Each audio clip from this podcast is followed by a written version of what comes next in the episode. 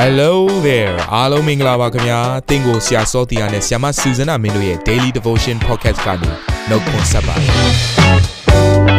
ဆရာနဲ့ဆ iam မတို့ရဲ့အသက်တာမှာဘုရားရှင်ပြုတဲ့ကောင်းကြီးမင်္ဂလာများစွာရှိပါတယ်အဲ့ဒီအထက်ကပြန်လဲစီးဆင်းတဲ့နှုတ်ကပတ်တော်ကိုဒီနေ့မှနားထောင်ပြီးခွန်အားယူကြမှာဖြစ်ပါတယ်နေ့စဉ်10မိနစ်လောက်အချိန်ပေးပြီးမိမိရဲ့အသက်တာကိုကောင်းကြီးဖြစ်စေမယ့်ဘုရားသခင်ရဲ့နှုတ်ကပတ်တော်နဲ့နီးလန်းတွေကိုအတူတကွခံယူကြရအောင်ခင်ဗျာ အားလုံးမင်္ဂလာပါလို့နှုတ်ခွန်းဆက်ပါတယ်ဒီဘက်ရဲ့နောက်ဆုံးအာနေ့ရဲ့နှုတ်ကပတ်တော်ကိုကျွန်တော်တို့သင်ကျင်နေကြတာဖြစ်တယ်ခံယူနေကြတာဖြစ်ပါတယ်အဲ့တော့ဒီတစ်ပတ်လုံးအတွက်ခေါင်းစဉ်ကတော့ဝတ်ထားသောဘုရားရဲ့ဘုံဖြစ်တယ်အဲ့တော့ဘုရားသခင်ကဘယ်လိုနေရာတွေမှာဝတ်ထားလဲဘယ်လိုလူတွေရဲ့အထက်မှာဝတ်ထားလဲဘယ်လိုအခြေအနေတွေမှာသူရဲ့ဘုံကျွန်တော်တို့ကိုပေးခြင်းတဲ့ကောင်းကြီးမင်္ဂလာကိုထားထားလဲဆိုတာကိုလေ့လာခဲ့ကြတာဖြစ်ပါတယ်နောက်ဆုံးနေ့ရဲ့ကျွန်တော်ခေါင်းစဉ်ကတော့ညင်းဆဲခံရသူတို့ထဲ၌ဝတ်ထားသော ဘုံလို့ခေါ်ပါတယ်ဘုရားသခင်ရဲ့နာမကြောင့်ညှင်းဆဲခံရတော်သူသူတို့ရဲ့အထဲမှာလည်းဘုရားသခင်ကကောင်းကြီးမင်္ဂလာဘုန်းအသရေကိုထည့်ထားတယ်ဆိုတာကိုဒီနေ့နှုတ်ကပတော်အဖြစ်နားလည်ဖို့ဖြစ်ပါတယ်။တမန်တော်ဝိတ္ထုခန်းကြီး9အငယ်1ကနေ6ကိုကြည့်လိုက်မယ်ဆိုရင်ပေါလုအဖြစ်ဘုရားသခင်ရွေးချယ်ခြင်းခံရမယ်နော်ပထမနာမည်ရှောလုပေါ့ရှောလုရဲ့အကြောင်းလေးကိုတွေ့ရမယ်။ရှောလုကယုံကြည်သူများကိုညှင်းဆဲတော်သူဖြစ်တယ်။အဲ့တော့အဲ့လိုမျိုးညှင်းဆဲတော်သူ ဖြစ်တဲ့လျောက်သူကတာ၍လှုပ်ဆောင်နိုင်ဖို့ယင်နော်သူကအမိတ်အခွင့်အာဏာကိုယူနော်သွားပြီးတော့ယူတာပေါ့ယူလာတာပေါ့အဲ့ဒီအချိန်မှာသူကဓမ္မသက်မျိုးကိုသွားတဲ့လမ်းမှာယေရှုခရစ်တော်ကသူ့ကိုစီတာပြီးတော့ပြောတဲ့စကားလေးကကျွန်တော်တို့အတွက်ဒီနှုတ်ကပတ်တော်နဲ့ဆိုင်နေရဖြစ်တယ်ရှောလူတီကဘုရားသခင်တပည့်တော်တို့တစ်ဖက်၌ချင်းချောက်၍အသေးသက်ချင်းငါပြင်းစွာအသက်ရှူသဖြင့်ထိုဘာသာဝင်သောယောက်ျားမိန်းမတို့ကိုတွေ့လင်ချီနှောင်၍ယေရုရှလင်မြို့သို့ပို့ဆောင်ရမည်အကြောင်း ဓမ္မသက်မြို့၌ရှိသောတရားဇယမှုတို့ထံသို့မှာစာပေးပါဟုယေဘရဟိမင်းထံဝင်၍တောင်းပြီးမှသွား၍ဓမ္မသက်မြို့အနီးသို့ရောက်သောအခါကောင်းကင်တဲကအလင်းသည်သူ့ပတ်လည်၌ရုတ်ခနဲထွန်းတောက်လေ၏ရှောလူသည်မြို့ပေါ်မှလဲ၍နေစဉ်ရှောလူရှောလူအဘဲကြောင့်ငါ့ကိုညှင်းဆဲသည်ဟုမိမိအားပြောသောစကားတန်ကိုကြားလျင်သခင်ကိုရောသည်အဘဲသူနီးဟုမေးလျှောက်၏ဘုရားသခင်ကလည်းငါကသင်ညှင်းဆဲသောယေရှုဖြစ်သည်သို့တော်လည်းထ၍မြို့ရဲသို့ဝင်လော့သင်ပြုရမည့်အမှုကို ပြောလိမ့်မည်ဟုမိန့်တော်မူ၏။အော်ရှောလူကယေရှုခရစ်တော်နဲ့ကြုံတွေ့တဲ့အချိန်မှာအလင်းထွန်းတောက်ပြီးတော့တကယ်တော့မိုးကြိုးတန်ခဲ့တော့အတန်အားဖြင့်စကားပြောခြင်းကိုခံရတယ်။အဲ့ဒီအချိန်မှာယေရှုပြောတဲ့စကားကအရင်ထူးဆန်းတယ်နော်။မင်းဘာဖြစ်လို့ခရိယန်တွေကိုညှင်းဆဲလဲ။ဘာဖြစ်လို့ငါ့ကိုယုံကြည်တော်သူတွေကိုတတ်ဖြတ်လဲလို့အဲ့လိုမပြောဘူး။ယေရှုပြောတဲ့ຢာကဘာလဲဆိုတော့ငါ့ကိုညှင်းဆဲတာတဲ့အဲ့လိုပြောတာနော်။တင်ညှင်းဆဲတာငါ့ကိုညှင်းဆဲနေတာတင်ညှင်းဆဲသောယေရှုဖြစ်တယ်လို့ပြောတယ်။အဲ့တော့တကယ်တော့သူကယုံကြည်သူတွေကို ညှင်းဆဲတက်ဖြတ်နေတာဖြစ်တယ်ဒါစီးနေတာဖြစ်တယ်အဲ့တော့ကျွန်တော်သိရမယ့်တစ်ချက်ကဘုရားသခင်နာမကြောင့်တစုံတစ်ခုသောဆင်းရဲခြင်းကိုခံရလျင်အဲ့ဒါဒီသင်တယောက်တည်းခံနေတာမဟုတ်ဘူးယေရှုခရစ်တော်ခံစားနေရတာဖြစ်တယ်ဆိုတာကိုသဘောပေါက်ပြီးတော့ယေရှုသည်သင်ဘက်မှာယက်တီလည်းရှိတယ်ဆိုတာသဘောပေါက်ဖို့ဖြစ်သလိုတပြိုင်နက်တည်းမှာဘုရားသခင်နာမကြောင့်ညှင်းဆဲခံရတော့သူများကိုကျွန်တော်တို့ကတုံ့ပြန်တဲ့အရာကြည့်ရှုတဲ့အရာပြုစုတဲ့အရာသည်ယေရှုကိုကြည့်ရှုပြုစုနေခြင်းယေရှုခရစ်တော်ကိုပြန်လဲတုံ့ပြန်နေခြင်းဖြစ်တယ်ဆိုတာကိုလည်းသဘောပေါက်ဖို့လိုတယ် သမိုင်းဆက်ဆက်ကိုကြည့်လိုက်တဲ့အခါမှာပညာရှိပါတယ်ဆိုတဲ့လူတွေဘာသာရေးခေါင်းဆောင်ဆိုတဲ့သူတွေတကက်ကြီးမားတဲ့တကောအခွင့်အာဏာနဲ့ပြည့်စုံတဲ့ရှင်ဘုရင်တွေခေါင်းဆောင်တွေနဲ့တိုင်းနိုင်ငံတွေဟာအင်အားတွေကြီးမားပေမဲ့လည်းစောစောကအရာကိုတော့မကြော်လွှားနိုင်ကြဘူးသဘောမပေါက်တဲ့အခါမှာဝိညာဉ်မျက်စိမပွင့်တဲ့အခါမှာသူတို့အမြင်မှာတော့ဒါဘာသာတရားတစ်ခုအနေနဲ့မြင်နိုင်တယ်သူတို့အမြင်မှာတော့လူမျိုးတစ်မျိုးကိုညှင်းဆဲတာ ယုံကြည်ချက်တစ်ခုကိုစွန့်လွတ်သွားအောင်တခါတည်းပြင်းပြင်းထန်ထန်နော်တပ်ဖြတ်ခြင်းဆိုအရာတွေကိုလှုပ်ဆောင်တော်လဲပဲတကယ်တော့သူတို့တွေဟာ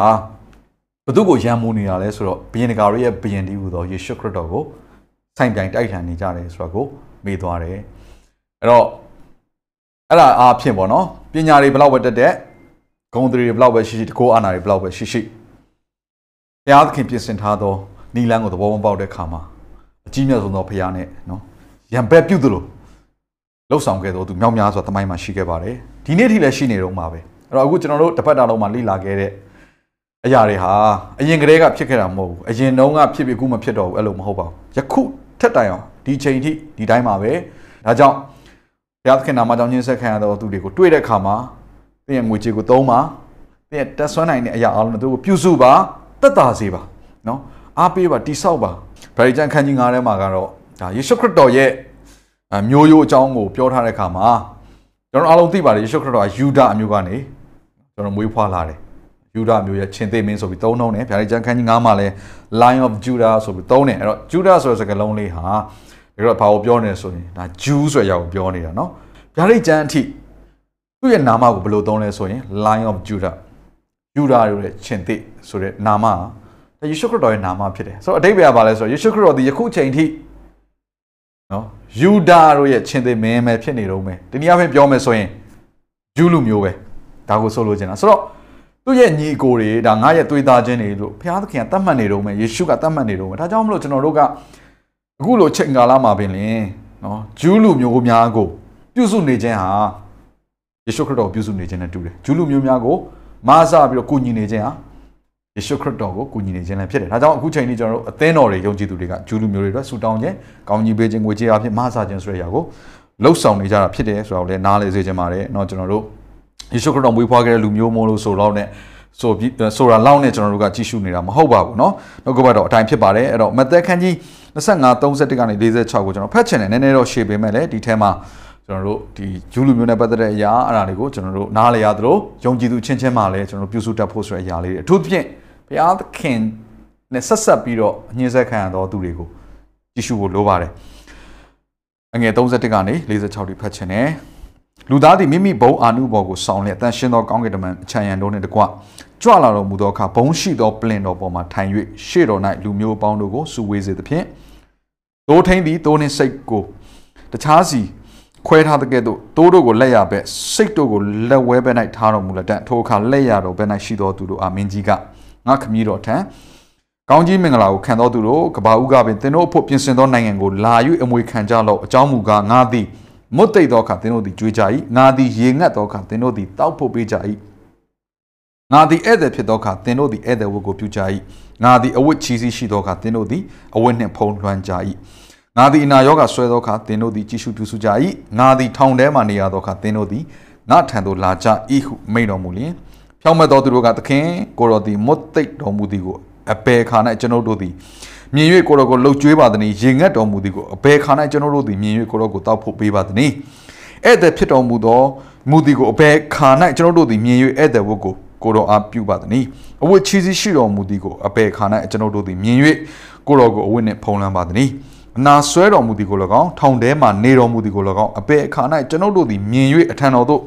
ရောက်ပါသည်ဟုပြန်၍လျှောက်ကြတော့မင်းကြီးကငါအမှန်ဆိုသည်ကသင်တို့သည်ဤသူရီဟုသောငါညီတို့တွင်အငယ်ဆုံးသောသူတယောက်အားပြုကြသမျှတို့ကိုငါအားပြုကြပြီဟုပြန်၍မိန်တော်မူလက်တဲ့ဆိုတော့ဒီဇလန်လေးဟာဒါနော်ယေရှုခရစ်တော်ကိုဓာတ်ရိုက်ကြွေးမွေးတာမဟုတ်ဘူးရေးတိုက်တာမဟုတ်ဘူးနော်သူ့ကိုပြုစုတာမဟုတ်ဘူးနော်ဆိုတော့ စောစောကနော်ပြီးခဲ့တဲ့ရက်တွေကလည်းလေ့လာခဲ့တဲ့အရာတွေလိုပဲအငယ်ဆုံးသောသူနော်ချို့ရအငယ်ဆုံးသောသူဆိုအသက်ငယ်တဲ့လူကလေးလေးဒီလောက်ပဲသွားပြီးစဉ်းစားအဲ့လိုမဟုတ်ဘူး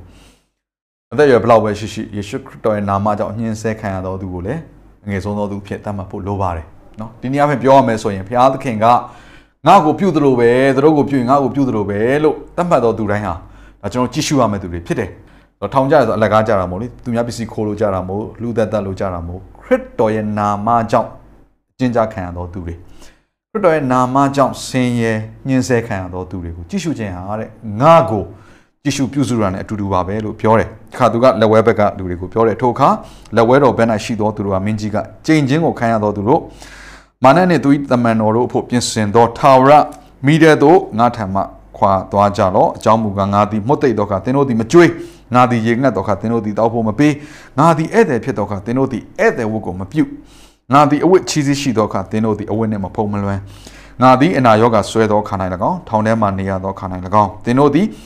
မကြည့်ရှုမပြုစုကြမိန်တော်မူလင်ထိုသူတို့ကသခင်ကိုတော်သည်မောတိတ်တော်မူခြင်းရေငတ်တော်မူခြင်းဧည့်သည်ဖြစ်တော်မူခြင်းအဝတ်ချီးစီးရှိတော်မူခြင်းအနာဆွဲတော်မူခြင်းထောင်ထဲမှနေတော်မူခြင်းတို့ကိုကျွန်တော်တို့သည်ဘယ်အခါ၌မြင်၍ကိုရောကိုမပြုမစုမလုံကျွေးပဲနေပါသည်ဟုပြန်၍ရှောက်ကြသောမင်းကြီးကငါအမှန်ဆိုသည်ကသင်တို့တွင်ဤတငယ်တို့တွင် အငယ်ဆုံးသောသူတယောက်အားမပြုသမျှတို့ကိုငါအားမပြုကြပြီဟုမိန်တော်မူလက်တဲ့ထိုသူတို့သည်သာဝရအပြစ်ဒဏ်ခံရသော၎င်း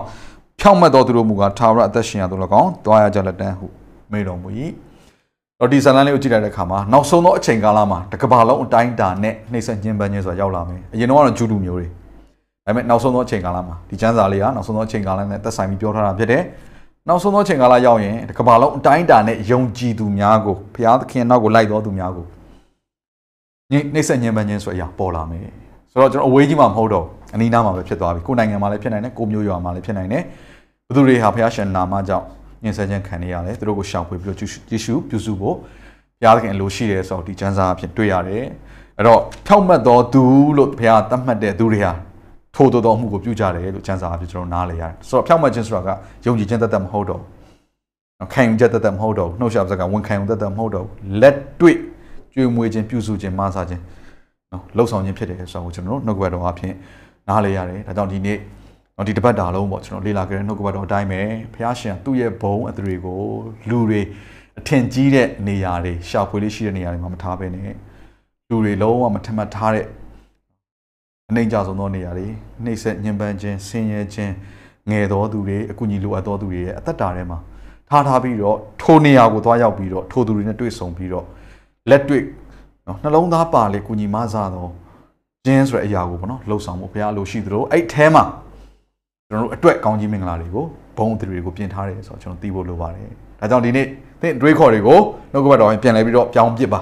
တစ်ချိန်တုန်းကကျွန်တော်တို့ရဲ့အတွေးခေါ်ကဟာငါတခုခုလုပ်ရင်တော့ငါဂုံသရေရမယ်ကြီးမားတဲ့အရာတွေကိုလှုပ်ဆောင်နိုင်တော့ငါအောင်မြင်မယ်နော်လူတွေအထင်ကြီးတဲ့အရာတွေကိုဝတ်ပြဝတ်ပြမယ်စားပြမယ်သွားမယ်လာမယ်နေထိုင်မယ်ဆိုရင်တော့ငါ့ကိုလူတွေကအထင်ကြီးမှာပဲ ငါကတော့ဂုံသရေနဲ့ပြောရမှာပဲလို့ထင်ခဲ့တယ်ဆိုရင်ဒီနေ့အဲ့အတွေးခေါ်တွေကိုပြောင်းပြန်လှန်ပစ်ပါနှုတ်ကပတ်တော်တိုင်းသက်ရှင်အောင်အာမင်ဒါကြောင့်ဘုရားရှင်နာမအဖြစ်ကုညီမဆာဝင်လို့တော်သူတိုင်းအတွက်ကျွန်တော်အသက်ရှင်ဖို့ရန်ဒီနှုတ်ကပတ်တော်အဖြစ်ဘုရားရှင်အထူးပဲကောင်းကြီးပေးပါစေအကယ်၍ဒီနှုတ်ကပတ်တော်အတိုင်းခံစားနေရတော်သူဟာသင်ကိုယ်တိုင်ဆိုရင်လည်းလုံးဝအားမငယ်ပါနဲ့ဘာကြောင့်လဲသင်ခံစားတော်ယေရှုခရစ်တော်ကနေ့ရက်တိုင်းသင်ခံစားချက်အလုံးစုံကိုသိမှတ်ပြီးတော့ထက်တူထက်မြောက်သူခံစားနေရတယ်ဆိုတာကိုလည်းသဘောပေါက်ဖို့လို့သူတို့ သင်ကိုမဆာဖို့ရန်လည်းဘုရားရှင်ကကောင်းကင်တမန်နေအပြင်ယုံကြည်သူများကိုလည်းဒီနှုတ်ကပတ်တော်အဖြစ်မှာထားပါတယ်ဒါကြောင့်အာယူပြီးတော့ရရင်ချင်းရှိပါလို့ကျွန်တော်ခွန်အားပေးခြင်းနဲ့ခဏလောက်ဆုတောင်းရအောင်ဘုရားသခင်ကိုရောကိုယေရှုတင်တယ်တပတ်တာလုံးမှာခံယူခဲ့သောနှုတ်ပတ်တော်အားဖြင့်ကိုရောဘုရားကိုရောသားတို့ကိုပေးခြင်းသောကောင်းကြီးမင်္ဂလာဘုံအသရေကိုရောရဲ့ကြီးမြတ်သောအရာအားလုံးအထက်ရနဲ့ဆိုင်သောမင်္ဂလာမြေကြီးရနဲ့ဆင်သောမင်္ဂလာအားလုံးဟာ ဒီနေ့သားတို့ထင်မှတ်ထားတဲ့အရာတွေလူလောကကရှာဖွေနေတဲ့အရာတွေထဲမှာမရှိဘဲနဲ့ဆင်းရဲခြင်းနှိမ်ချခြင်းနဲ့ဒုက္ခဆင်းရဲခံစားတော်သူတွေကိုရိုနာမှာကြောင့်ညှင်းဆဲခံရတော်သူတွေကိုရိုနှုတ်ကပတ်တော်ကိုဝေငှတော်ကိုရဲလူတွေရဲ့အထဲမှာဖွက်ထားဆိုတာတို့နားလည်ရပါတယ်ယေရှုဖခင်ကိုရောကိုယ်တိုင်ကလည်းဒုက္ခဆင်းရဲညှင်းဆဲခြင်းထဲမှာခံပြီးတော့မှနေ့လူလောကအတွက်လိုအပ်တော်ကယ်တင်ခြင်းဆိုတဲ့အရာကိုလှုပ်ဆောင်ခဲ့ပြီးတော့အမှုကိုပြည်စည်းစေခဲ့တာဖြစ်ပါတယ်ထိုနည်းနည်းသောနှုတ်ကပတ်တော်ကိုသဘောပေါက်ပြီးတော့ယနေ့ ကြားနာတော်သူတယောက်စီတိုင်းသည်ကြားနာုံတသက်မဟုတ်ဘဲနဲ့လက်တွေ့နှုတ်ကပတ်တော်ကိုတုံ့ပြန်တော်သူတွေဖြစ်ဖို့ရန်ဤနေ့ပဲကောင်းချီးပေးပါကျေးဇူးတော်ကိုချီးမွမ်းတဲ့နာဇရက်မြို့သားယေရှုခရစ်တော်၏မြတ်သောနာမကိုအမိပြုလျက်အသက်တာများကိုစက္ကန့်အနှံကြပါ၏ဖပါဘုရားသခင်အာမင်ဒီလာမယ့်တစ်ပတ်မှာကျွန်တော်တို့ပြန်ဆောင်ရအောင်ဘုရားရှင်သင်ကိုအထူးကောင်းကြီးပေးပါစေ နာတော်တာစင်သူတိုင်းရဲ့အသက်တာမှာကောင်းကြီးဖြစ်မယ်ဆိုတာကိုကျွန်တော်ယုံကြည်ပါတယ်။သင်ရဲ့အသက်တာအတွက်များစွာသော resource တွေနဲ့ update တွေကို Facebook နဲ့ YouTube platform တွေမှာလည်းကျွန်တော်တို့ပြင်ဆင်ထားပါတယ်။ Facebook နဲ့ YouTube တွေမှာဆိုရင် search box ထဲမှာစုစွမ်းနာမင်းလို့ရိုက်ထည့်လိုက်တဲ့အခါအပြအယောင်အမှန်ချစ်ထားတဲ့ Facebook page နဲ့ YouTube channel ကိုတွေ့ရှိမှာဖြစ်ပါတယ်။နှုတ်ကပတ်တော်တွေကိုဗီဒီယိုအားဖြင့်လည်းခွန်အားယူနိုင်ဖို့ရန်အတွက်အစင်သစ်ပြင်ဆင်ထားပါတယ်။ကျွန်တော်တို့ဝိညာဉ်ရေးရာအတွက်အထူးလိုအပ်တဲ့ဖွင့်ပြခြင်းတွေနဲ့ခွန်အားတွေကိုရယူလိုက်ပါ။ နောက်ရက်များမှာပြန်ဆုံတွေ့ကြရအောင်ခင်ဗျာအားလုံးကိုနှုတ်ဆက်ပါတယ်